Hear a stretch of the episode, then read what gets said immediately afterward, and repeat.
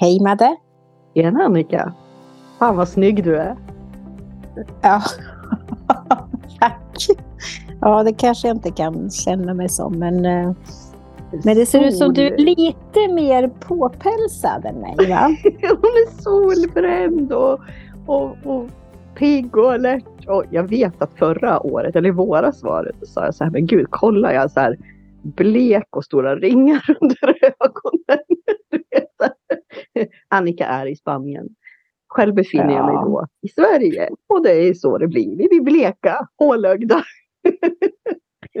ja, men vet du. Ja, fast det, är ju också någonting faktiskt, eh, det här med att bli brun är ju inte egentligen alltid så bra. Man ska vara försiktig i solen.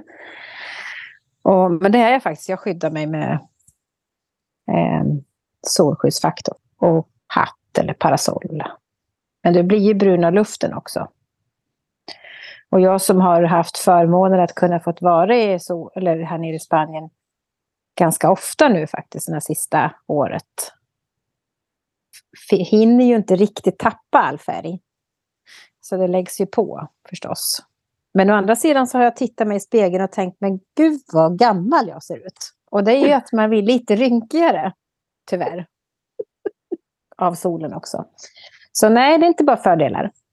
Det är fint att vara vit Men D-vitamin också. är en viktig faktor i oss och solen står ju för väldigt mycket D-vitamin. Alltså, och mm. Vi behöver den. Eh, av någon Absolut. anledning så är det generellt en, en, D, en ganska stor D-brist i svenska befolkningen. Ja, eh. framförallt när vi börjar närma oss januari, februari ja. och mars. Då mm. är det väldigt många som har den bristen och kan känna av det i form av olika symptom. Ja. Och tyvärr så är det ju någonting som faktiskt inte... Alltså, för det första kan det vara att inte man själv förstår att en brist kan vara en sån enkel brist som D-vitaminbrist. Men också våra vanligaste brister vi har i Sverige uppmärksammas ju inte av läkare heller, många gånger. Nej. Men för att man tänker nog inte, man tänker skolmedicinskt, liksom, mm. utifrån mm. ett håll bara. Och då är det lätt att missa att vi faktiskt är en helhet och att alla spårämnen i oss eh, samverkar mm. och påverkar oss på flera plan. Liksom så. Ja, precis, och jag vet ju som när jag drabbades av autoimmun sjukdom för många, många år sedan. Eh, så sökte jag och letade och jag hade ju brister, eller jag förstod ju någonstans där som jag själv är utbildad till en viss del. Men visste inte riktigt vem jag skulle vända mig till eller så. Men så fick jag fatt på en läkare på, i en annan stad som har forskat just i B-vitaminbrist och järnbrist. Som också är väldigt, väldigt vanligt, framförallt bland kvinnor. Och han förklarade, när jag väl träffade honom och så tog han prover och så här och så förklarade han cykeln i kroppen och vad allting behövs för. Och sen tog han exempel på människor som har gått länge med brister och som till slut har hamnat liksom i, blivit inlagda på grund av svåra symptom eh, som medicinsk läkare behöver liksom utreda. Eh, och det har visat sig vara grunden är bara egentligen bara, gör jag inom situationstecken, en brist på B-vitamin som är den vanligaste, B12 till exempel. Så att det kan leda till väldigt eh, eh, svåra saker om man inte mm. tar det på allvar. Det, det är ganska intressant eh, faktiskt. Jag brukar ibland sväva iväg och liksom, ah, okej, okay, jag fattar, vad handlar det här om? Okej, okay, jag fattar. Nu talar jag som vanligt utifrån min sanning. Eh, och det är ju det att vi har ju inte så mycket näring i våran mat längre. Maten stressväxt, eh, den importeras, den exporteras eh, eh, och den framställs ju liksom under förutsättningar med, med medel för att skydda för ohyra eh, eller skade, annars ska parasiter eller att de ska växa fort. Mm. Så allt som växer på vår jord innehåller också frekvenser, energi. Mm. Och det innehåller ju mycket, alltså allt det här som människan behöver. Och så bryter vi ner det och sätter det i att det innehåller olika typer av vitaminer, mineraler. Och mm. jag menar, vi kan, och det finns mycket processad mat, alltså färdig mat eller halvfabrikat eller eh, olika tillsatser för att få matvarorna att hålla. Eh, och det är mm. ett sådant samhälle vi lever i, jag värderar inte. Utan för mig är det en förklaringsmodell till varför är människan egentligen har en näringsbrist. Mm. Det är inte konstigt. Och alla människor idag, eller nej inte alla, men väldigt, väldigt många människor använder solglasögon året runt. Mm. Solglasögon är en stor anledning till D-vitaminbrist. Och en stor del av D-vitaminet som en människas kropp tar upp sker via ögon. Mm. Där stänger vi locket. Mm.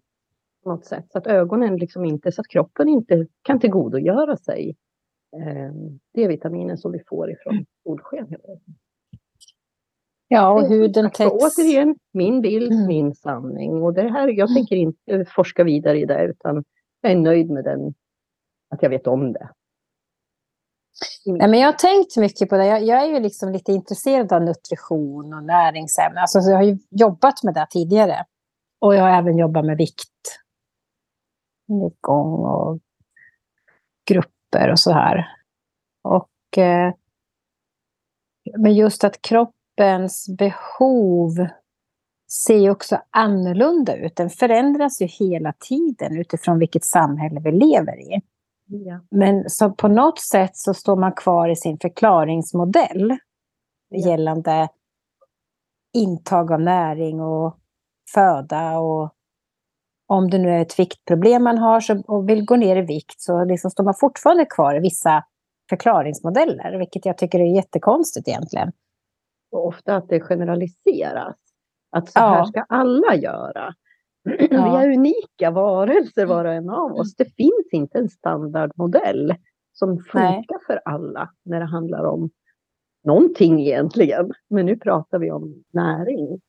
Nej, och jag har ju själv en resa gällande min kropp i stort sett hela mitt liv, kan man ju säga. Och den, den resan har ju varit både i form av att eh, inte gilla sin kropp, mm. vara arg på sin kropp, eh, vara sjuk i sin kropp som gör att man har, jag har fått hinder och så. Gå upp i vikt och gå ner och stressa sig själv liksom. Så jag har, ju, jag har ju en gedigen erfarenhet och samtidigt som jag har sökt i mig själv och förklaringar och eh, sätt så anser jag mig nog kunna säga ganska mycket och uttala mig ganska mycket om vad, vad som är bra eller mindre bra eller så. Även om inte jag kan generalisera jag heller. Men om man nu ska prata näringsämnen så vet jag vid vårt köksbord hemma har vi diskuterat ibland så här, eh, bara som en enkel sak som tomater. Eh, Ja, svenska tomater under sommartid, jättebra. Som du odlar själv eller du köper från någon, någon odling eller så. Men annars så åker ju tomaterna, alltså det är ju en import. Vi vet inte heller alltid hur de har odlats och hur de har skötits liksom ifrån det landet man köper ifrån. Men det innehåller ju inte alls samma näringsämnen som folk tror. Så jag menar, min man brukar säga, men jag äter ju tomater varje dag. Eh, ja, det gör du ju. Men vad innehåller det liksom? Och det är just det där det här enkla att ja, men jag gör ju det här och de säger att man ska äta det här. Ja, det är bra. Man ska... Och det är inte dåligt. Men jag tror man behöver tänka till hur, som du säger, jorden, hur, hur, hur ser det ut idag i jorden till exempel? Hur odlas produkter? Och hur ser vår jord ut? Den är ju ganska fattig på mineraler och spårämnen mot vad den var förr. För att mycket stressas fram och ja. mycket läggs i jorden som inte är så bra. Nej, jag hade en resa för ett par år sedan. Jag vet inte om vi har pratat om det där. Men vi gjorde en resa upp i landet, eh, jag och Janne, eh, med vår lilla husbil.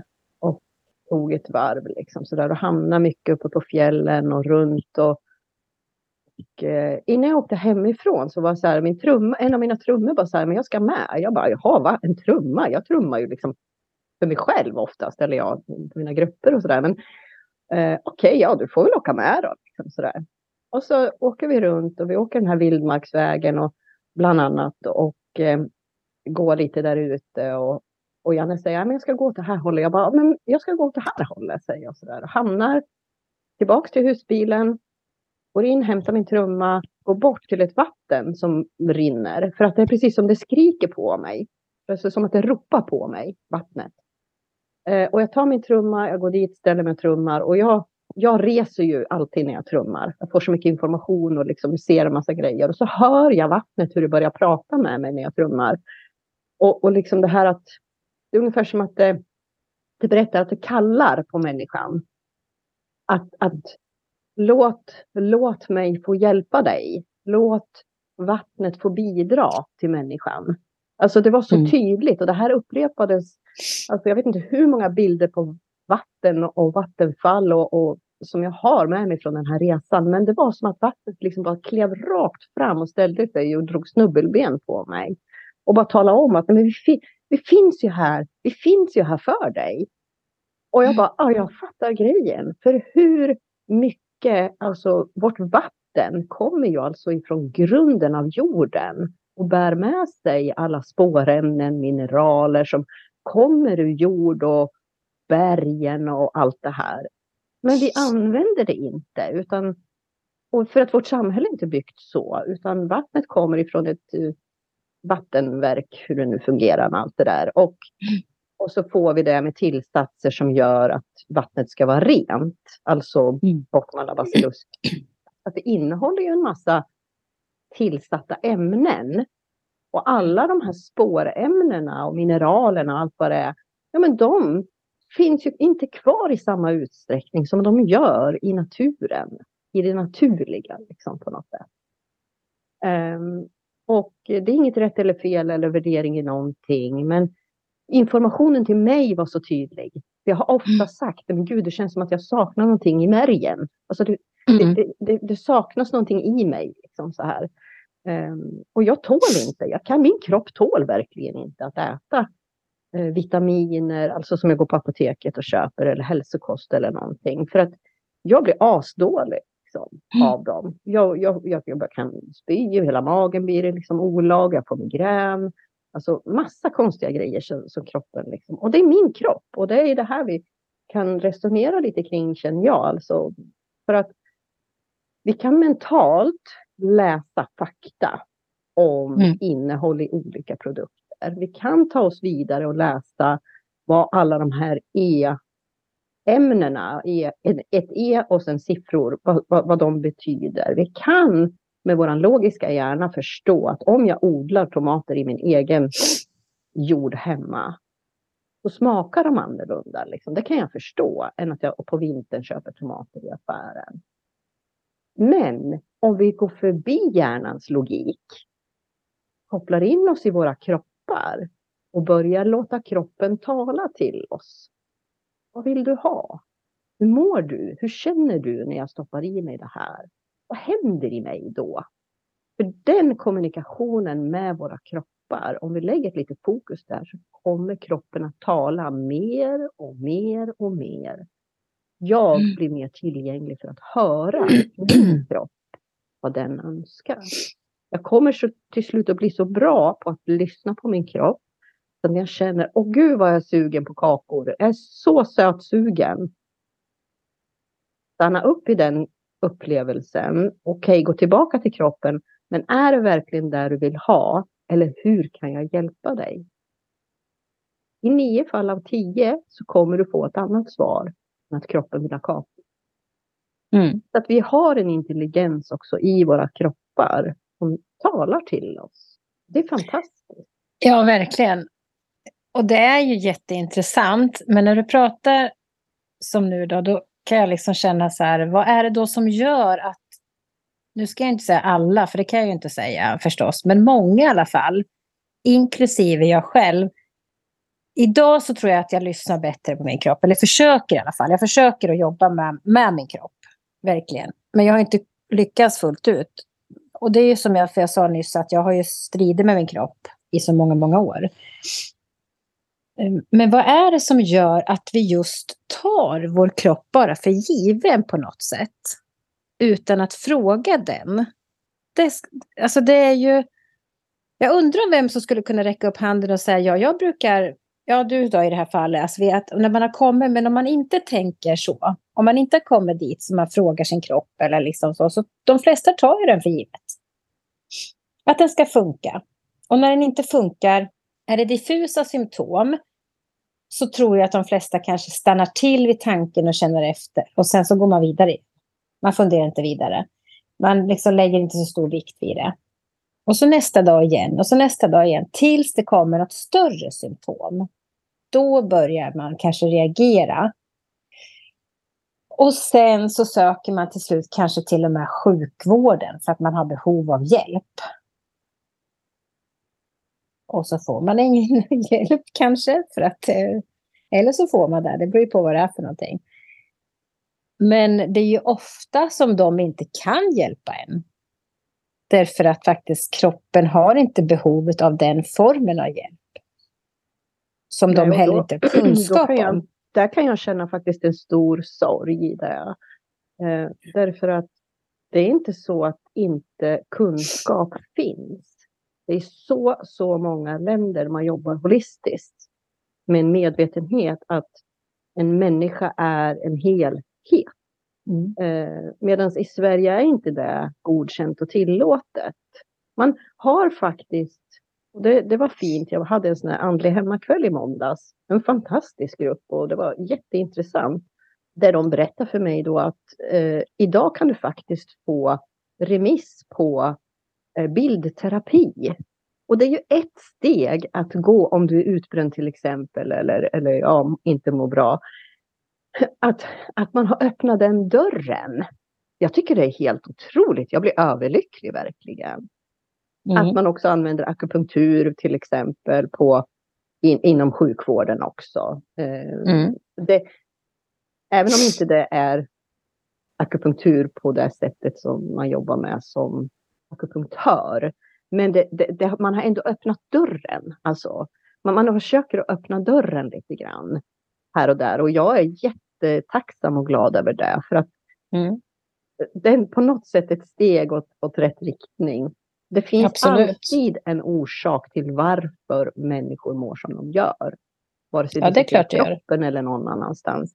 Det finns mm. alltid en bakgrund till. Vad är det som har triggat igång det här? Vad är det här som har liksom lätt fram hit. Mm. Eh, och, och, och det är det där att jag förstår inte hur man inte kan vara intresserad och se bortom det synliga på något sätt. Om vi tar de här testerna och proverna och så ser vi. Nej, det är inget fel. Nej, men okej, du är nog lite stressad. Jag tror att du har en depression. förstår du? Alltså, mm. att, att man inte är intresserad att gå vidare. Nej, Nej, jag, jag håller med. Och det här stöter vi ju tyvärr på fortfarande i allt för stor utsträckning. Eh, fast du, som du säger också så har det också öppnats upp för mycket mera i vården idag. Eh, än vad det har varit tidigare. Jag vet ju att man använder ak akupunktur mot smärtbehandling till exempel. Mm. Eh, för att det har vetenskapliga studier mm. som visar hur bra effekt det har. Mm. Men det är, förstår du? Så du måste ju ja. komma dit först. Ja. Du kan inte bara liksom anamma någonting och prova. Nej. Utan det måste liksom vara förankrat. Mm. Så det är därför en, det är en liksom långsam, ett långsamt förlopp mm. ofta för att komma framåt. Det slog mig eh. i alla fall när jag satt i den här gruppen och pratade med dem. Ja. De var så himla öppna och men det finns jättemycket. Och musikterapi. Alltså ja. det finns, ja absolut. Och att de berättade liksom, och att vi kom in på det här och pratade om det. Jag lär mig lika, alltså jag säger det, mitt jobb är fantastiskt. Jag lär mig så mycket hela tiden, verkligen. Mm. Men då säger jag så här, då hör jag min mun säga så här. Men för sjuttsingen alltså, jag skulle verkligen önska att jag kunde ta en grupp människor som jobbar inom vården, alltså i utförande då. Jobbar med patienter eller jobbar med gamla människor eller alltså jobbar inom vården på något sätt. Samla dem i en grupp och ha en healingutbildning med dem. En Mm. helg eller en dag eller någonting. Alltså Mm. för att de jobbar med healing. Men de Mm. vet inte vad de gör egentligen. Och om de visste det, att Mm. kunna göra det på ett mer medvetet sätt ökar ju effekten.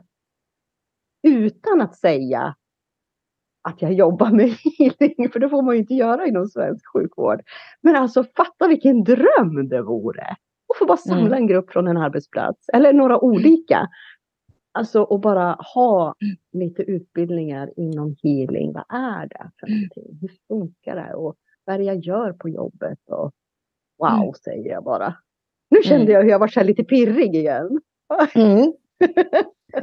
Det vore Ja, det var- så fränt. Ja, det vore ju verkligen. Följa dem lite grann också. Ja. Eh, Och se hur, hur de upplever och känslorna. Eller... Ja. Men det är just det att man inte får jobba med det. Och då Nej. blir det ju svårt att få en sån grupp som, Mm. om man inte söker självmant. Liksom. Ja. Och, Precis. eh, men ehm, nej, jag önskar verkligen också, och jag tänker att man använder ju healing i flera andra länder. Eh, så, Allt är healing. Där det Ja. finns alltså en kärlek bakom och en önskan för någon annan att, att det ska bli. Jo, alltså- men nu menar jag medveten healing. Mm. Ja, alltså healing finns alltid, ja, där det finns kärlek. Men jag menar medveten Ja. som en, en form av en En terapi. Ja. eller behandling. Ja. Mm. Eh, används i andra länder. Eh, som du får använda det. Mm. Alltså det är inte liksom humbug eller så. Nej. Men Sverige är ju som sagt lite sega på vissa saker. Nej, men jag varit lite, alltså det slog mig när du sa så här, ja men det ska finnas forskning och evidens på det. Mm. Det finns forskning och evidens på väldigt mycket komplementära metoder. Eh, Mm. Men man väljer att inte eh, eh, ta till sig dem. Ja, och ibland så kan det vara att man anser sig i vissa grupper att det är fel forskning. Mm. Alltså fel, ja. Ehm, och det är också ett utsåll som man liksom, så, som man gör utifrån sin kultur eller sin Ja. liksom, sitt sätt att se på saker. Och, då, och det är ju tragiskt kan, kan ju vi tycka då, men, men så är det ju tyvärr. Ja. Eh, men jag som säger, som jag sagt, så är jag väldigt glad för alla former som kommer som är annorlunda, eller som är annorlunda, men som ändå är gammalt men nytt för kanske svensk sjukvård att Ja. använda. ja, precis. Mm. Och det är som jag nämnde för något, det är något avsnitt sen vi pratade om. Som det, alltså jag har varit ju så här eldologer, den här läkaren, som, Ja. medicinska överläkaren som forskar i nära döden-upplevelse. Ja. Och som är etablerat nu då. Mm. Och där utbildningar kommer att gå ut. Den är ju Det är- så... Alltså, det är så häftigt. ju så mycket grejer Ja, alltså. Ja, Det absolut. det, även i Sverige. Att, att, att förstå att vi är så mycket mer än bara en liten del. Ja, men sen tänker jag också att man kanske skulle kunna, istället för att påverka draken sjukvården, så skulle man ju kunna påverka de enskilda individerna, liksom, eller människor ute i samhället, mera som, som kommer att efterfråga också. För det är ju det. Mm. Att, att få en större efterfrågan på någonting så skulle ju kunna trycka på på ett annat sätt. Mm. Eh, och där tror jag vi kan göra jättemycket med, eller det görs ju jättemycket, där vi öppnar upp för ett annat sätt att tänka, så att man tänker i, ett större perspektiv. Mm. Men om man går tillbaks till den enskilda människan så tror jag att man behöver jobba mycket med det här. För det är ett gammalt mönster vi sitter fast i. Att inte kanske fråga Vad har jag för behov? Hur mår min kropp? Vad kan jag hjälpa dig med? Eller så. Utan man springer på i sina liksom, fotspår. Och sen tror jag också mycket vi har det här quick fix-tänket som mm. förstör mycket. Allting ska gå fort. Mm. Effektivt ska det vara. Mm. Och det går inte heller hand i hand riktigt alla gånger med vad vi har som för mänskliga behov egentligen. Mm. Ja, det tåls att utforska, det tåls att fundera på. Men jag, jag har tänkt på det mycket själv. Liksom, vad är det som gör att man just tar sig själv... På ett sätt säger man ju så här, man ska inte ta sig själv på för stort allvar och det ska man inte göra. För man ska liksom ändå ha en humoristisk del till sig själv. Eh, men samtidigt så ska man ju det. Man ska väl ta sig själv på samma allvar som man tar sin omgivning. Där kan ju jag se en stor, eh, ett stort glapp. Att du lägger ifrån dig så mycket, eh, liksom, se dig själv. Du, du, ser inte dig själv utan du har högre krav på dig själv eh, än vad du har på din omgivning. Till exempel. Att du ger bort mycket av dig själv, din tid, din kunskap, din, din energi, alltså dina råd mm. eller bara din existens till andra. Och sen ramlar du ihop där som en liten säck och sen ger du dig själv. Eller du kan se andra, att fan vad duktig den är och gud vad bra det går för den där och, och gud vad klok den där är. Ja, men jag själv då? alltså, mm. Att jag inte ser i mig själv att jag har, att jag har så mycket. Mm. Men det här är lite roligt för att vi startar egentligen det här innan vi börjar spela in det här avsnittet med att jag skriker till Annika bara Kolla vad jag har! Kolla vad jag har köpt! Wow! Du vet så här, så jag värsta reklamen för Annika här med, med Sikoria-kaffe. Och jag har varit lite inne på det här med, med cikoria. Det användes ju, alltså det är en rot, nu kommer jag inte ihåg vad plantan heter, men eh, till, eh, som man rostade, man plockade och rostade och gjorde kaffe av i Sverige under kriget. Eh, som kaffesubstitut då, eh, när inte det fanns kaffe att få tag på. Idag används det som ett alternativ när man känner att kroppen inte riktigt mår bra av att dricka vanligt kaffe.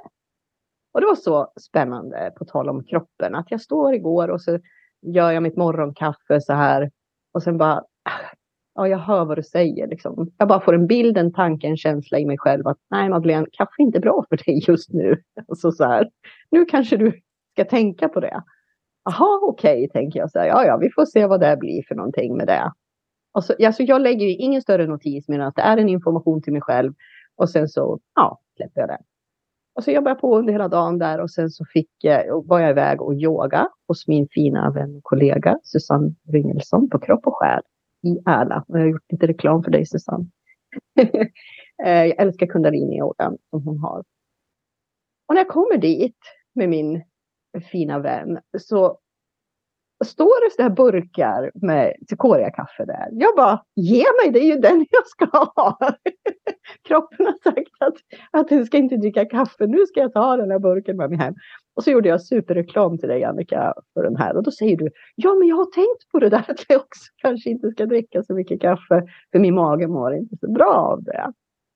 Alltså, och där började egentligen vår diskussion om det här. Men varför lyssnar vi inte liksom på kroppen? Eller varför tar vi den för given? Eller varför har vi, varför ska det vara så himla svårt att bryta gamla mönster? När det till exempel handlar om vad jag äter och stoppar i mig. Mm. Eh, att jag oh, men okej, jag kommer till en punkt när jag känner att nej, men okej, nu behöver jag något annat. Jag behöver gå ner i vikt eller jag behöver, jag har för höga kolesterolvärden. Jag behöver tänka på kosten här. Jag kanske börjar få diabetes. Jag kanske behöver tänka på kosten här. Alltså, det finns olika anledningar till varför vi vaknar upp en dag och bara shit, nu måste jag tänka på vad jag ger mig själv i, i matväg. Och så kliver vi in i det med hull och hår och bara känner oss jättetaggade och motiverade och så kör vi igång lite med förändring, en förändringsprocess. Uh, och det händer ju jättemycket saker i oss på flera olika platser. Det är ju inte liksom bara rent fysiskt att jag ändrar min kost. Utan jag ska i mitt tankemönster ändra mig och mina känslor behöver hänga med. Och för att jag ska tycka att det här känns okej. Okay, och inte mm. att det blir en kamp för mig. Nej, det är ju det. Ja, och så kör vi igång och så förändrar vi våra vanor. Och så börjar det bli en ny vana, att jag förändrar mina vanor. Och så landar det där och så finns det bara där i. Det är förankrat. Tills en dag när någonting annat förändras. Jag kanske blir stressad av någonting, jag kanske byter jobb, jag kanske åker på semester. Det kanske blir jul eller det kanske blir någonting annat. Och mm. direkt så riskerar vi att helt tappa det och bara kliva in i gamla mönster igen. Mm. Och gå tillbaka till mina gamla vanor i till mm. exempel nu hur jag äter. Och så blir jag mm. fast i det. Mm. och så är det så lika, kan jag tycka att det är lika svårt igen att gå tillbaka till det här jag vet bra för mig. Jag har gått in i det gamla. Och det är mm. ganska vilsamt. Det kräver ingenting av mig. Mer än att jag hela tiden dömer mig själv. Vilket inte är en trevlig plats att vara på. Det ligger och vibbar en dold dömande i att jag är inte bra. Mm. Mm. Och den är jätte, jättesorglig att gå omkring och bära på. Ja, och eh, jag tror att det är där nyckeln ligger till. Eh, vi ska inte hamna där. Därför att det kommer sen av sig självt att leda till ett ont ekorrhjul. Ännu mera.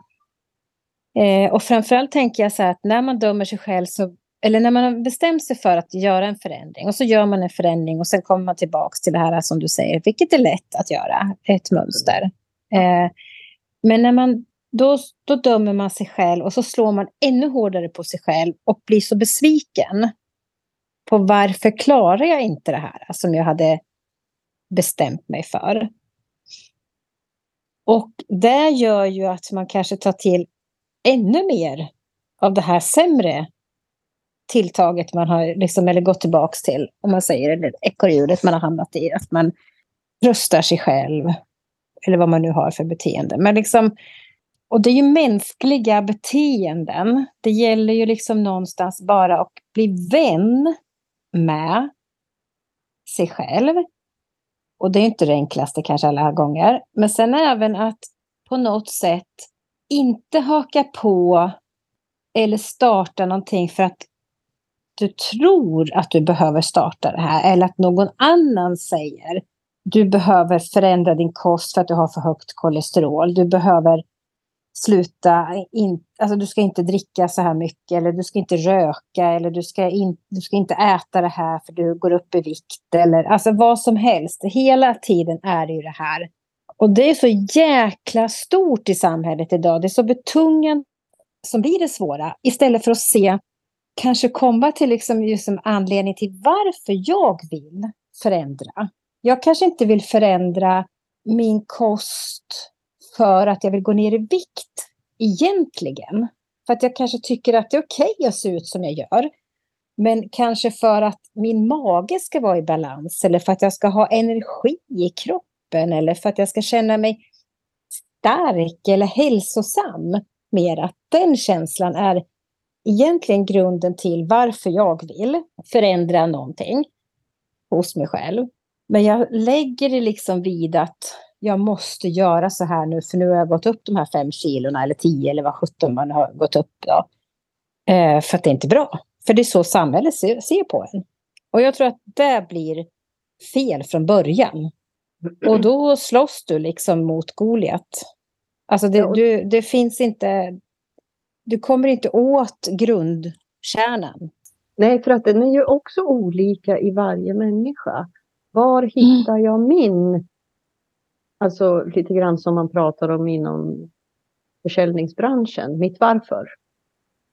Varför? Vad är mitt unika varför? Ja. Vill jag göra det här? Ja. Ja. Och att det är en labyrint i varje människa att hitta det varföret. Ja. Ja.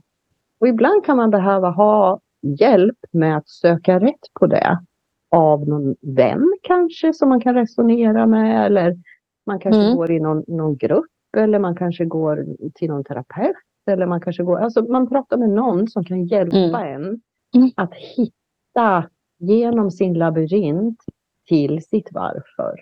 Mm. Och det Mm. jag ser framför mig nu, måste jag beskriva det här, det är att ibland så är det stopp i labyrinten där jag, det finns hållplatser som jag måste någonstans, eller som jag, som jag har en möjlighet att stanna till vid. Okej, och så behöver jag liksom vila lite där och tycka att okej, de här svängarna jag gjort i labyrinten fram hit till hållplatsen.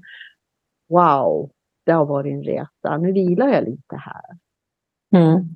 Och där så frigörs en massa saker i mig och landar på plats och integreras och blir en del av mitt varför. En pusselbit till hela mitt varför.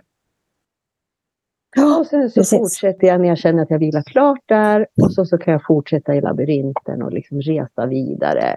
Ehm, och kanske stanna på en ny hållplats, integrera det jag vet och kan och har lärt mig. Tacka mig själv, kanske fira med mig själv att jag har tagit mig till den här hållplatsen. Titta tillbaka på hur långt jag har kommit. Och när jag känner att jag har vilat klart, fortsätta framåt igen.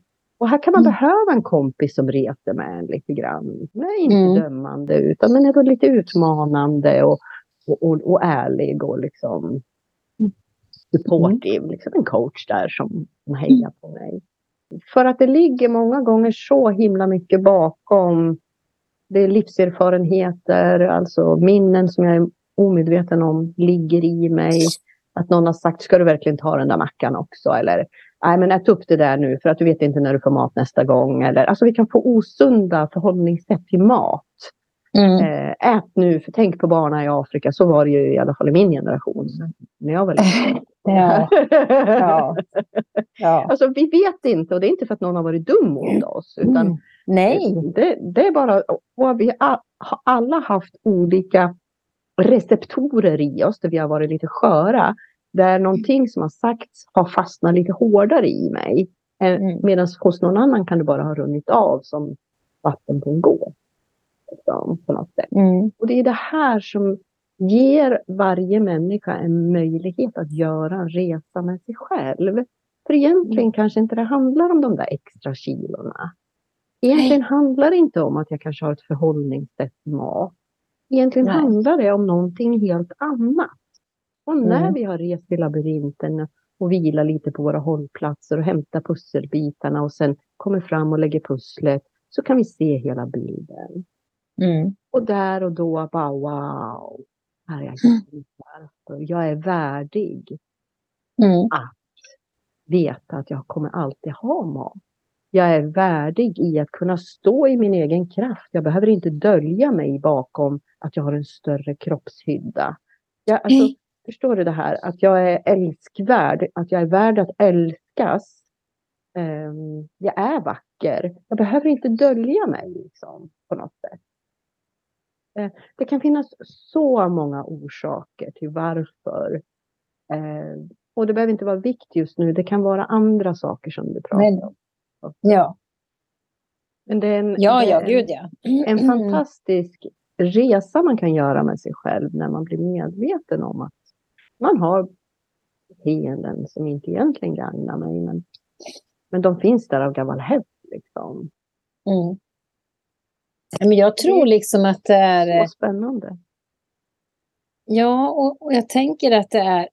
Alltså, att vi inte alltid förstår, som du säger, orsaken till vad, vad, vad, vad, vad som ligger i botten för det. För att vi kanske har fått höra saker eller kommentarer eller någonting i vår uppväxt som vi har glömt bort, men inte vår kropp har ju inte glömt den. Nej. Våra celler och en, finns, ju- det finns ju kvar i oss när vi medvetet har glömt bort det. Och då är det ju svårt att hitta tillbaka till det, för då tar man ju det första enklaste. Vad, vad är det som gör att jag vill? Ja, det är ju för att man behöver. Om jag väger 10 kilo för mycket, eller 20 kilo för mycket, eller 30 kilo för mycket, så kommer ju det finnas information från något håll eller från samhället att så mycket ska vi inte väga, för det är övervikt, det är kanske till och med fetma. Och vi får inte väga det. Eller vi ska inte väga det, för det är inte bra. Ja, fast du kan ju ha 10 kilos övervikt och ha jättehälsosam kropp. Absolut. Jämfört mot den som har är normal eller har till och med alltså undervikt är inte heller bra. Då, men alltså, vad, det är inte där vi ska fokusera, utan det som ska fokuseras är ju alltså att bli vän med sig själv. Mm. Fullt ut på alla plan. Och det här är en jätte, jätte, jätte utmanande resa för väldigt mm. många människor. Mm. Eh, man döljer sig själv och kan ha haft väldigt tufft i sitt liv och, och, och liksom kanske ta till alkoholen eller maten eller alltså mm. någon som mm. inte egentligen är bra för mig och jag är medveten om det och jag går mm. hela tiden med en känsla av skuld eller skam eller någon som mm. gnager någonstans i mig. Liksom. Mm. Som hjälper mig att, att hålla fast vid det här på något sätt. Att, och, och jag möter väldigt många människor som vill, precis som du säger, ha den här quick fixen. Jag mm. vill förstå. Alltså jag, jag vill fatta, jag vill veta och så ska jag tala om det för dem. Liksom sådär. Och jag kan ibland se det väldigt tydligt men jag vet att det inte är min plats att säga det.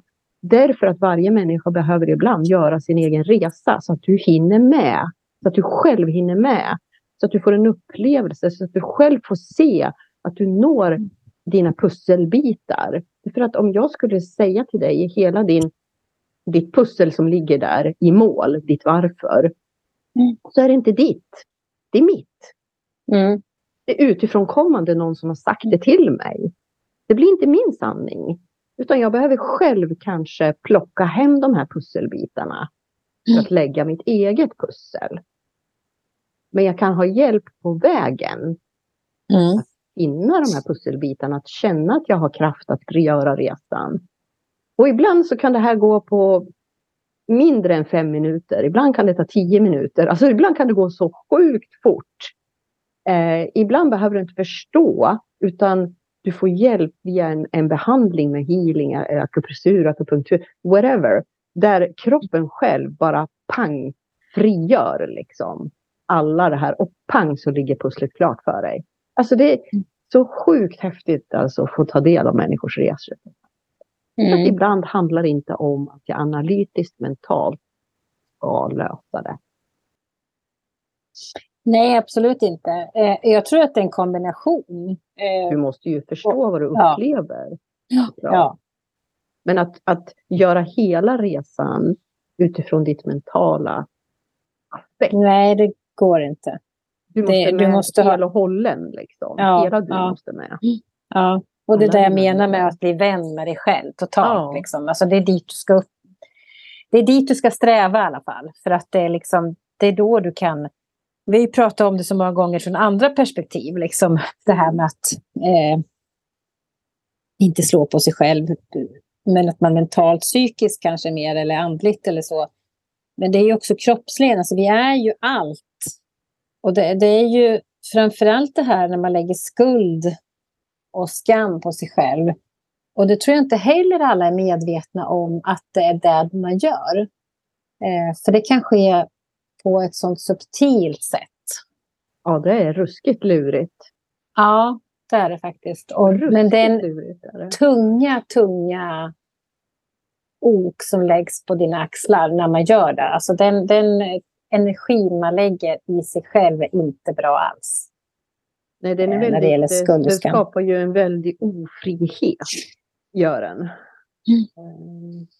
Och jag brukar ofta säga, och jag kommer säga det igen, och jag har sagt det förut, du kan lyfta på vilket jävla tak du vill, till vilken familj som helst, eller vilket hem som helst. Alla bär sitt drama, som de mm. inte mm. vill dela med sin omgivning. Så att det ja. du bär och det du sitter med och det du känner och tänker och så vidare. Mm. Det finns ingen som inte har varit där. Vi har bara varit där på olika sätt temana kan vara olika för oss. Mm. Men vi alla bär på saker som vi då och då känner att nej, men det här vill jag verkligen inte dela med någon annan. Det här skäms jag lite för. Eller det här, nej, det här vill jag inte att någon ska se eller veta om mig eller min familjesituation. Eller något Men någonstans kan det vara väldigt skönt att veta att det är lika för alla. Alla bär vi omkring på det här. Ja, jag tror att det är eh, ett stort frigörande man kan komma till är när man kan visa sig och få känna sig sårbar. Ja. För att det gör att du blir stark. Ja. Eh, och sårbarheten är inte att förringa sig själv eller liksom mm. nedvärdera sig själv eller på något sätt, utan tvärtom, det är att kunna visa att jag är människa. Och som människa, eh, det är, det är komplext att vara människa. Och vi kan omöjligt skriva facit över att vara människa, hur vi ska bete oss, hur vi ska klara av alla situationer, hur vi ska rätta oss, hur vi ska göra för att vara den perfekta människan inom situationstecken. Det går inte. Det går verkligen inte. Utan vi behöver förstå att vi är varelser på utveckling. Och vi behöver förstå att vi, vår framgång ligger i att bli vän med oss själva i vår egen resa. Ja. Sen är inte den lätt. Nej, och det här, pratar om, men, men nej ju... absolut inte. Och det här är, ligger ju, nu ska vi se här, vänta nu. Det här vi har pratat om nu, det är ju väldigt egentligen konkret och tydligt. Att, mm. att hur varför hamnar jag tillbaka till exempel i samma Gamla mönster? Alltså samma mm. mönster som är mm. eh, hela tiden. För, varför är det så lätt att ramla tillbaka där? Ja. Men det är ju för, för att det... För mig så ja. handlar det om att det ger dig en möjlighet till utveckling med dig själv. Det ger dig en möjlighet att förstå dig själv på ytterligare en nivå eller ett plan eller eh, okej, okay, jag har lyckats göra den här resan med mig själv och ändra min kost och allt det här och jag mår jättebra och så där. Och så blir det jul och så mm. åker jag dit eller blir semester och jag åker dit liksom. Mm.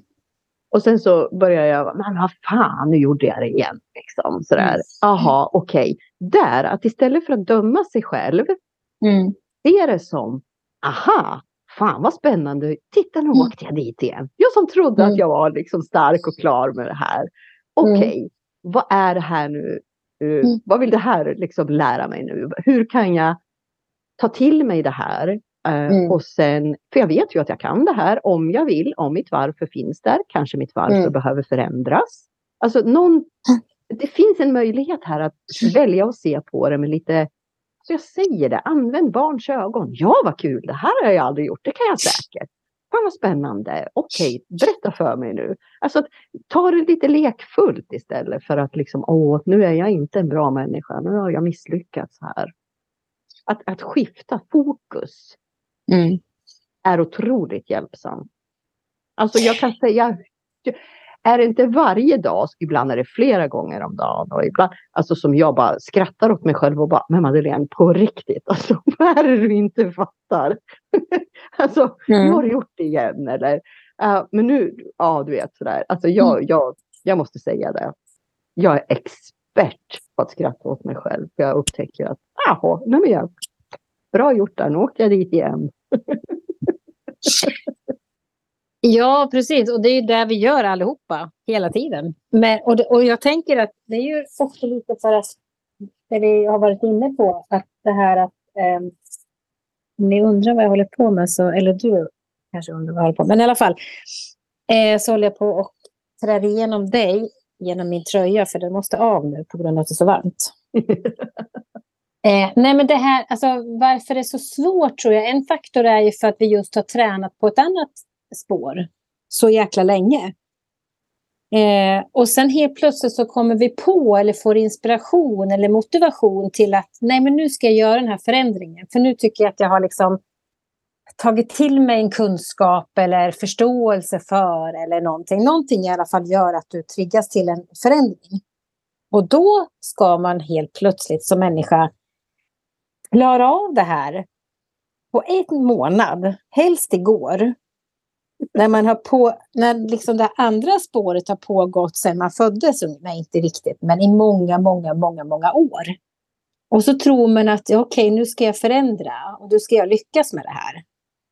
Vilket man inte kommer göra, för du kommer, du kommer alltså ha kanske, om vi säger att du har tio gånger i tio försök så kommer nio av dem vara misslyckanden på ett eller annat sätt. Men du kommer ta små steg framåt.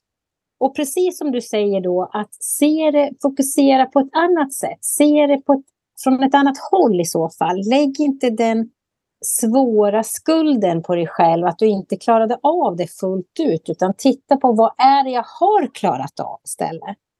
Så tionde gången kommer du att lyckas så pass bra så att du kanske känner dig nöjd istället. Mm.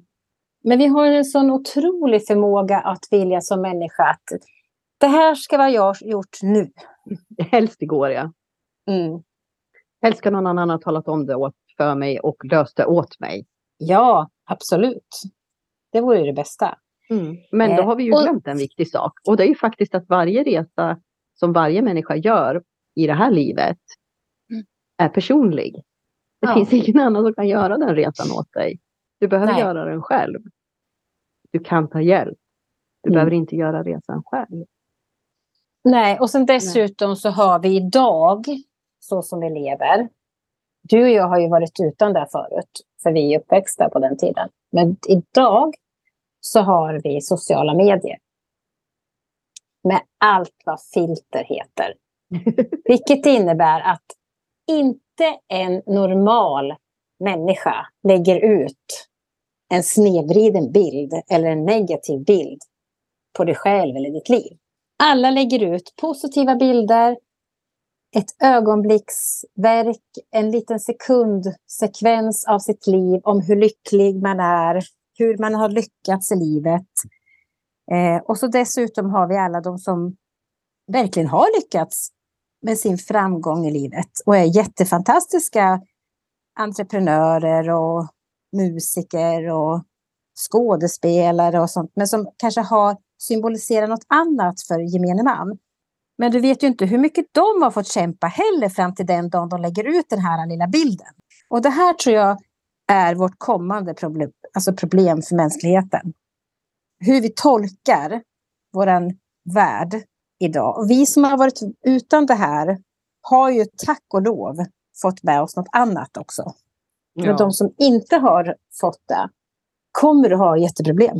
Mm, Därför att vi, vi ja, många i alla fall. Men det kommer att uppstå problem, nya problem i samhället. Mm. För att vi kommer... För att hjärnan funkar ju också så lite grann att när du ser en bild så är det det som bilden tar till sig.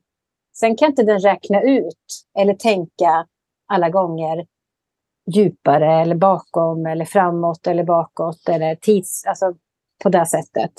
Utan den ser ju det som är just här och nu. Det blir en sanning. Och det blir en sanning. Den kan inte bestämma sig för om, den är, om det är liksom äkta eller oäkta. Utan det är äkta för hjärnan just där och då. Hjärnan har ju inga känslor, alltså hjärnan är ju konkret. Hjärnan är ju mm. i ögonblicket liksom på något sätt. Mm. Så att det vi matar hjärnan med, det, det, det blir, kan bli sanning för mig. Mm. Så samtidigt, om, om vi vänder det åt andra hållet istället, där möjligheten finns, om, om, om vi nu ser det här som en utmaning för, för många människor, det är ju att gå tillbaka till känslan i mig, hjärtats intelligens, hjärtat som också har en egen hjärna, en egen intelligens. Att inte låta hjärnan få, få leva mitt liv och spinna iväg i en massa grejer, utan gå tillbaka till min känsla. Mm. Och därifrån kan vi skapa bilder. Jag brukar säga så här, visionera mera. Alltså bygg ditt liv. Måla upp en bild av eh, här vill jag leva, de här människorna, så här vill jag må. Och känn hur det känns i dig när du är där. Liksom. För plötsligt då så börjar vi bygga för hjärnan en ny sanning. Det finns en anledning till varför man säger det. Att om det är någonting du vill uppnå, föreställ dig att du redan är där. Det är en verklighet, det är en sanning idag. Mm. Då kommer hela ditt system att tro att du är där. Då skulle jag vilja vara lite jobbig. Nej, ge mig. Och säga att även om man säger känslor ska vi ju inte tro på alla gånger heller. Nej, inte om de kommer från hjärnan. Och Nej, det är det här men... som är utmaningen att fatta. När kommer känslan utifrån en föreställning som jag har i min hjärna? Mm. När kommer känslan utifrån hjärtats intelligens? För det är mm. två helt olika vägar att gå. Mm. Känslan kan vara definitivt densamma. Men det den går är ju subtil. Det går, att, det går att separera det här. Men det är, ja, ja. det är definitivt en relativt hög överkurs. Det kan man lugnt Jag tror säga. inte att det finns Mm. någon som kan säga att jag alltid vet varifrån min sanning kommer. Nej, det tror inte jag heller. Men man kan testa sig själv liksom också flera gånger. Jag tror vi har pratat om det förut. Det här med att fråga sig var, var sitter känslan? Ja. Alltså, är den min?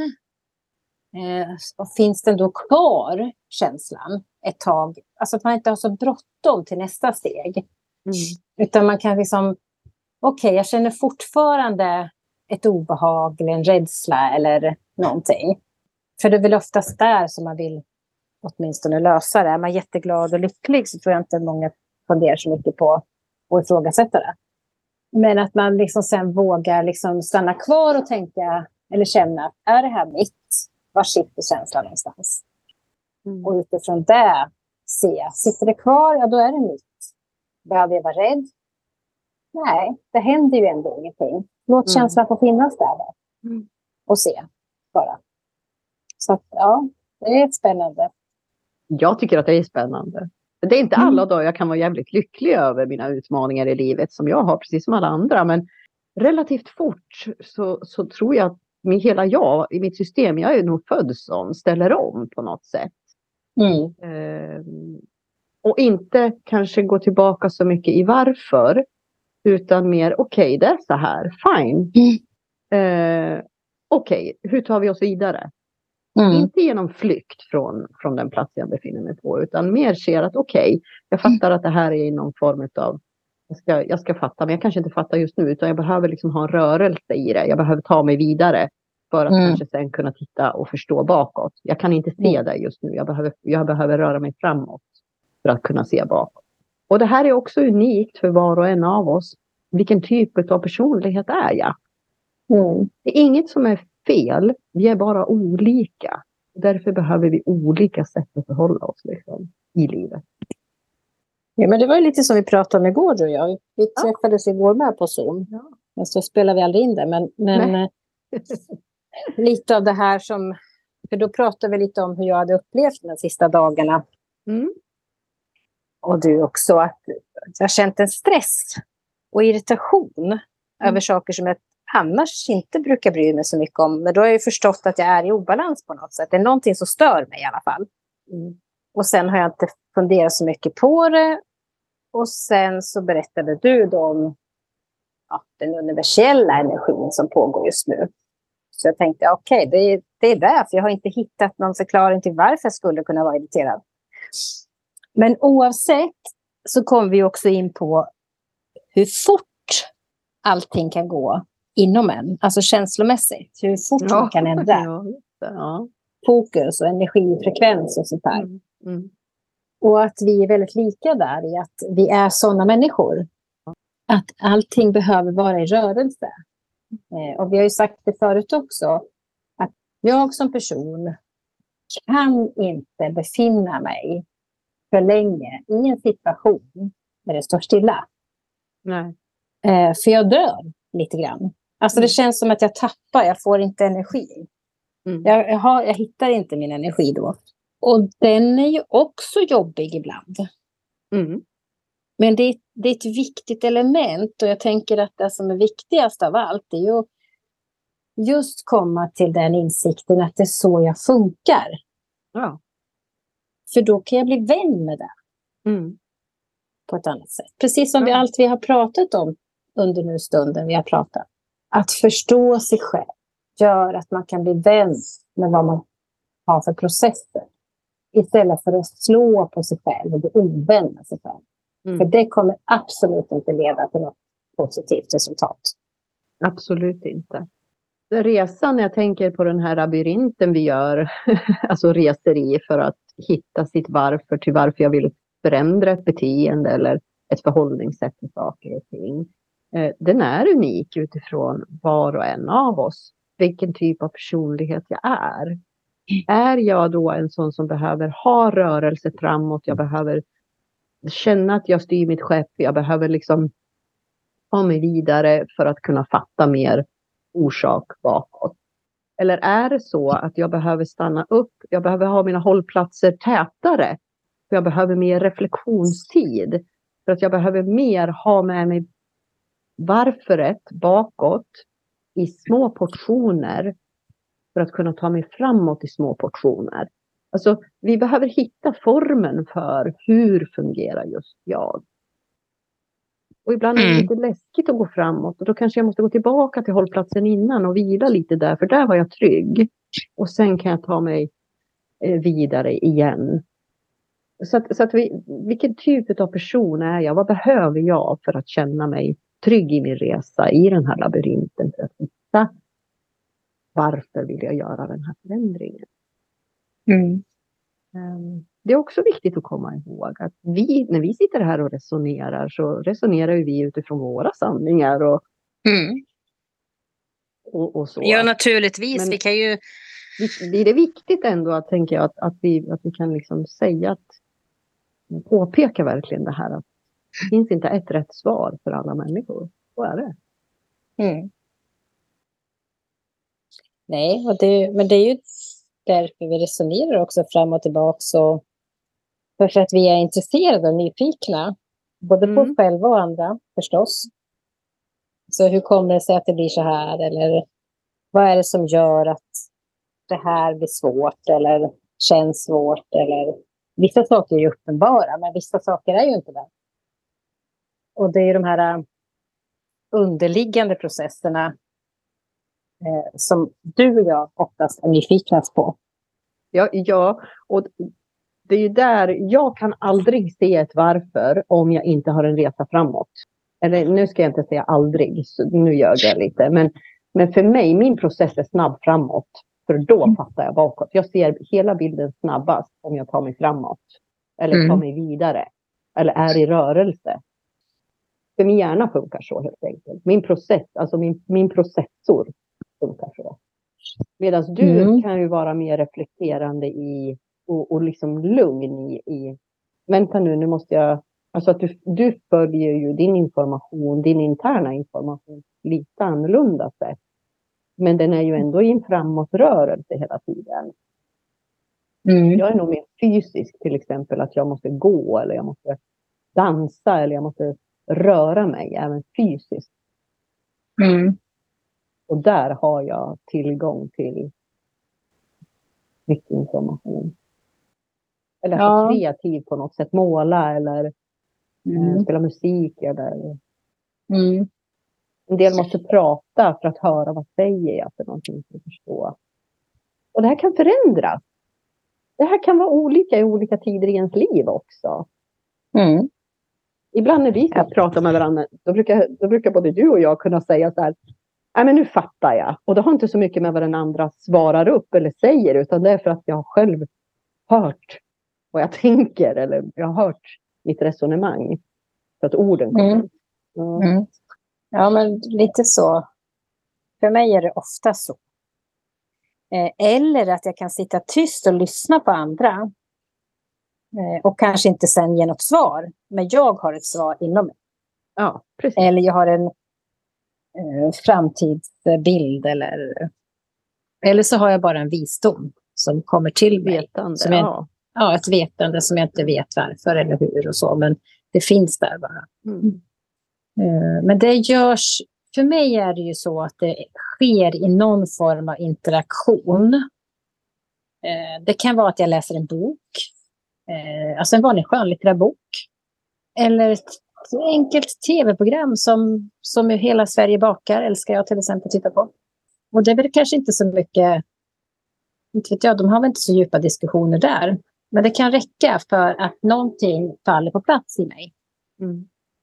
Eh, så en interaktion för mig, tror jag, för stillheten för mig som jag tar mig tid till eh, när jag kanske är ute och går med min hund eller när jag sitter på en stubbe eller är för mig själv.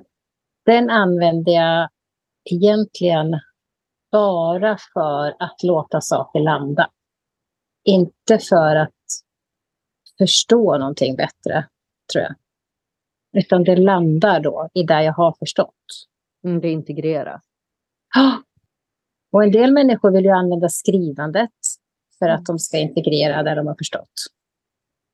Och en del använder andra saker. Men, men det, mm. för mig är det nog den här, eh, som jag brukar säga, gående meditationen eller sittande. Alltså man, någon form av sån meditation ger mig en integrering av det jag förstått mm, redan.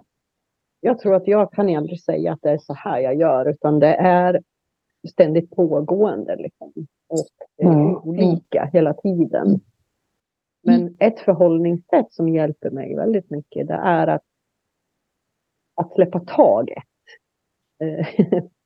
Jag mm. släpper taget ofta. Mm.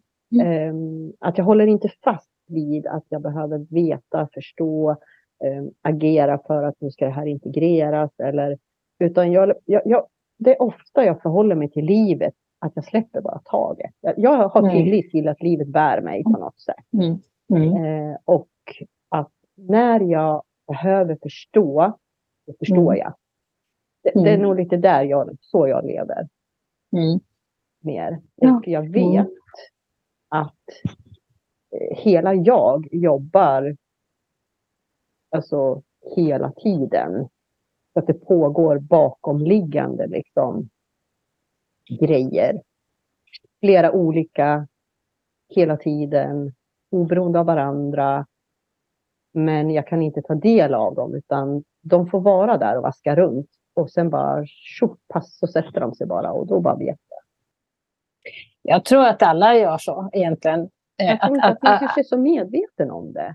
Nej, det var det jag skulle säga. Däremot så är inte man medveten om det. Nej. Men att alla har en pågående process inom sig ständigt. Ja. Utan att, att, men det kan ligga på ett helt annat plan eller ett annat lager som gör att man inte får upp det till sitt medvetande. Ja. Så man förstår det.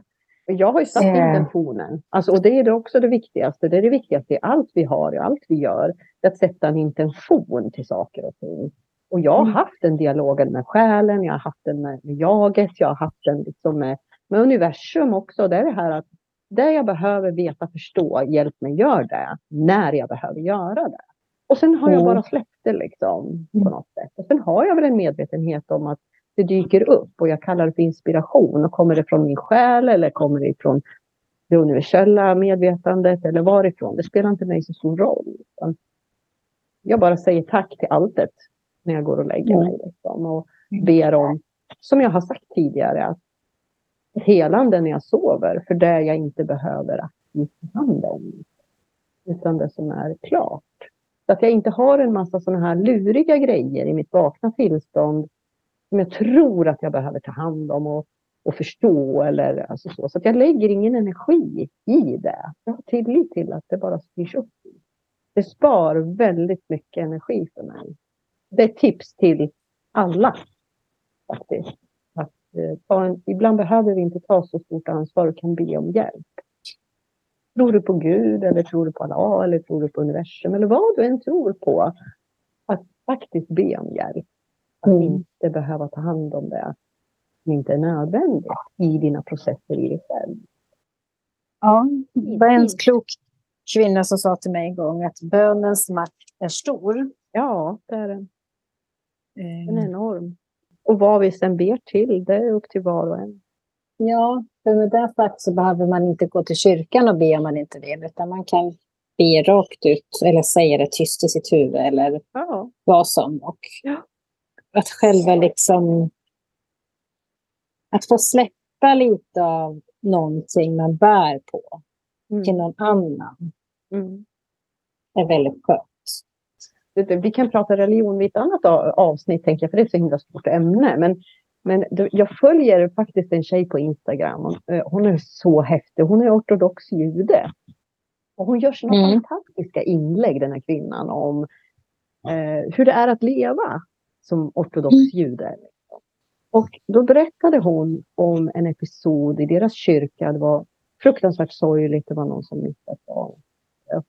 Och eh, de hade bett kyrkan och, och, så vidare för det här barnet och familjen. Och, så och ändå så, så vart inte barnet fritt, utan liksom dog. Och då var det någon mm. som ifrågasatte, någon som inte trodde, utan mm. inte var troende. Ja, men hur kan ni tro att bönen liksom ska kunna rädda? Varför, varför var inte barnet räddat då när ni var så många som bad? Varför lämnade inte Gud barnet kvar? Mm. Var det en av männen som svarade och sa det, vi kan be, för bönens makt är stark. Men det är inte alltid människan får som man vill. Även när vi ber. För de pratar ju om Gud på det sättet att det är Gud som till slut avgör. Liksom. Det, var ju, det är ju mm. deras sätt att se på, på livet. Mm. Och det var så, ja, men vi får ju aldrig... Alltså, hur ofta får vi som vi vill som människor i det här livet? Vi kan önska saker, men inte alltid vi får som vi vill. Nej, jag tänker att undra om det där som... Ja, vi kanske inte ska gå in på det, Linda, men jag måste ändå få ställa frågan. Ja. Undrar om det är där som många går vilse då i form av att... Eh, jag själv tror ju inte på, på, på det sättet, men om det finns det är just det här som att ifrågasättandet att bönen, alltså att bönen i sig ska generera att Gud eller vem det nu är, Allah, så att den ska, den guden ska ge tillbaks det du ber om. Jag tror eh, faktiskt, eh, jag kände det när, jag, när, jag, när just det här kom, som att jag behöver säga den här, berätta om den här kvinnan i alla fall. Eh, hur klok och rolig hon är. Men eh, jag tror faktiskt att det är därför, eh, en av anledningarna, nu finns det många anledningar, men en av anledningarna till att jag inte känner mig hemma i religion på det mm. i kyrkan, det är ju för att det känns som att människor lägger ifrån sig sitt personliga ansvar och lägger det i knät då på, på Gud nu då, om, om vi mm. pratar kristendom. Mm. Att, att mm. på något sätt att vi ber så, så får vi liksom på något sätt. Mm. Att, att eh, ja men vad gör jag då själv för att uppnå det här? Eller mm. vad är mitt bidrag i det här? Hur man, hur man ber, ja, jag har hört många böner. För mig är det, det, det, det är inte någonstans det känns sant för mig. Nej. Det är väl möjligtvis den här som barn, den här Gud som haver barnen kär. Den är fin, alltså som bön som är invärd. Men ja, vi, vi, kan ju alla be på olika sätt. Men jag tror som du säger att är det så människan tror att det finns någon där ute som ser till att det ska bli rättvist och ja, det ska bli fred på jorden. Och, finns, och, och det här kommer ju inte ske. Så då tror man inte på Gud helt plötsligt. Nej, men precis. Det är väldigt mm. lätt att säga då, nej men då tror inte jag. Nej, men det är väl människans handling som skapar Gud, det är inte någon överordnad liksom. Nej. Och det här kommer jag ihåg sedan jag var liten faktiskt. Min morsa var ju så klok så många gånger. Hon har varit så betydelsefull. Men jag vet att jag var liten och så säger jag så här till henne. Ja, men hur kan folk vara så dumma och hålla på och kriga? Och det här måste jag ha varit. Alltså, jag kan inte ha börjat med skolan än. Alltså. Och då säger hon så här. Då vänder hon sig om och så tittar hon på mig så här. Ja, det är väl inte så svårt att förstå. Kommer du överens med dina syskon alla dagar? Slåss ni aldrig? Alltså, ja. hon drog det dit. Ja. ja. Eh, ja, klokt. Och då, då var det självklart för mig att ja, men det är klart att folk krigar. För att, alltså, jag kan mm. inte hålla fram som min syster som jag hatade vid vissa tillfällen och drog håret av. Liksom. för mig var det, Nej. det var klockrent. Det var, det var självklart. Jag bara, ja, ja. jag liksom. ja. Men jag tror att det är det att alltså, många människor förstår inte att vi ligger så nära egentligen det som sker ute i form av fruktansvärda saker. Att det är liksom, det ligger inte så långt borta hos människan. Nej. Egentligen. Sen finns det ju saker som tack och lov gör att alla inte hamnar där. I det här ondskan, liksom, eller onda beteendet. Men det har alltid funnits och kommer alltid finnas. Det svarta, det vita, det onda, det goda, det ljusa, det mörka. Eh, och det gäller ju bara liksom att just förhålla sig till det precis som allting annat. Att vad är det jag vill befinna mig någonstans? Och det är precis det jag pratade om i mitt förra avsnitt som när du var borta. Eh, så pratade jag mycket om det här. Men vi kommer, Ja, att leva, vi kommer att leva i det här. Så länge som illusionen om dualitet existerar. Mm. Eh, därför finns det alltid motsättning. Alltså, på något sätt. Eh, om vi tänker dualitet istället för enhet. Mm. Eh, och som människor på den här jorden så behöver vi dualitet för att förstå. Vi kan Mm. inte se stjärnorna om solen lyser. Alltså, det måste vara mörkt. Mm. Mm. Det är en dualitet. Mm. Eh, en kvinna kan inte själv göra barn. Vi behöver en man. Alltså vi behöver två Mm. delar för en befruktning. En dualitet. Eh, så jag tror att mycket ligger där. Men det är människans fria vilja och personliga ansvar i hur vi förhåller oss till dualitet som Mm. skapar motsättningar. Mm. Om vi nu pratar på en djupare nivå. Det är min sanning. Ja. Jag Ja, och sen att att- det är lika vidrigt som vem som helst och jag skriver inte under på någonting. Jag klarar verkligen inte av att se. Um, för jag, jag går sönder verkligen. Alltså, jag vet att det existerar och jag bidrar på alla sätt jag kan. Men, men jag kan inte. ja, men den ena sidan har ju inte mer rätt än den andra. Nej. Alltså, Det är mänskliga handlingar känner jag. Vi kan inte skylla på universum. Vi kan inte skylla på Gud. Vi kan inte skylla på någonting. nej. Det är Nej. människan som får ta ansvar för sina handlingar. Punkt. Ja, ja exakt. Ja. Och om man då bara ska kort ta det med bönen så är det väl samma sak där. Att bönen kan ju finnas i ditt liv som en kraft till dig själv.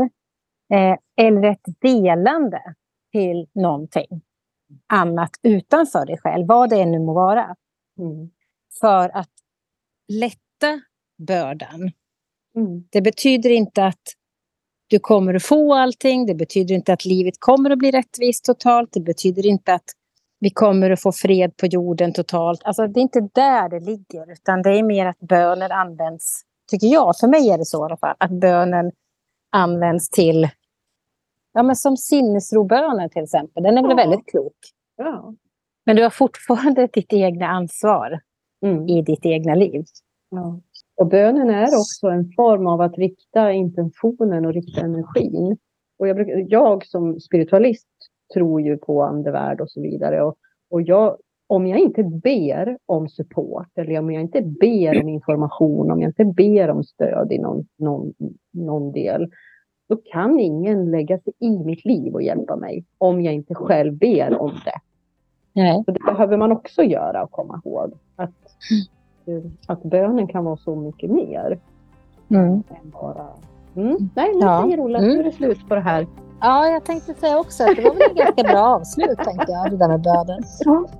Alltså från kroppen och saker kring det Ja. och Ja, så. Men det är ju ändå den mänskliga resan vi pratar om. ja i det är det. form. Ja. Ehm, och om ni hör, om ljudupptagningen från mitt håll kanske är lite konstig så är det för att de håller på och jobbar här någonstans i området. Men eh, jag ber inte om ursäkt för det. Jag, eh, det får ni stå det ut med. Det är som det är. det som det. Men en förklaring i alla fall till ljud. Ja. Ja, jag säger Eh. tjing på er. Ja, och jag säger puss och kram.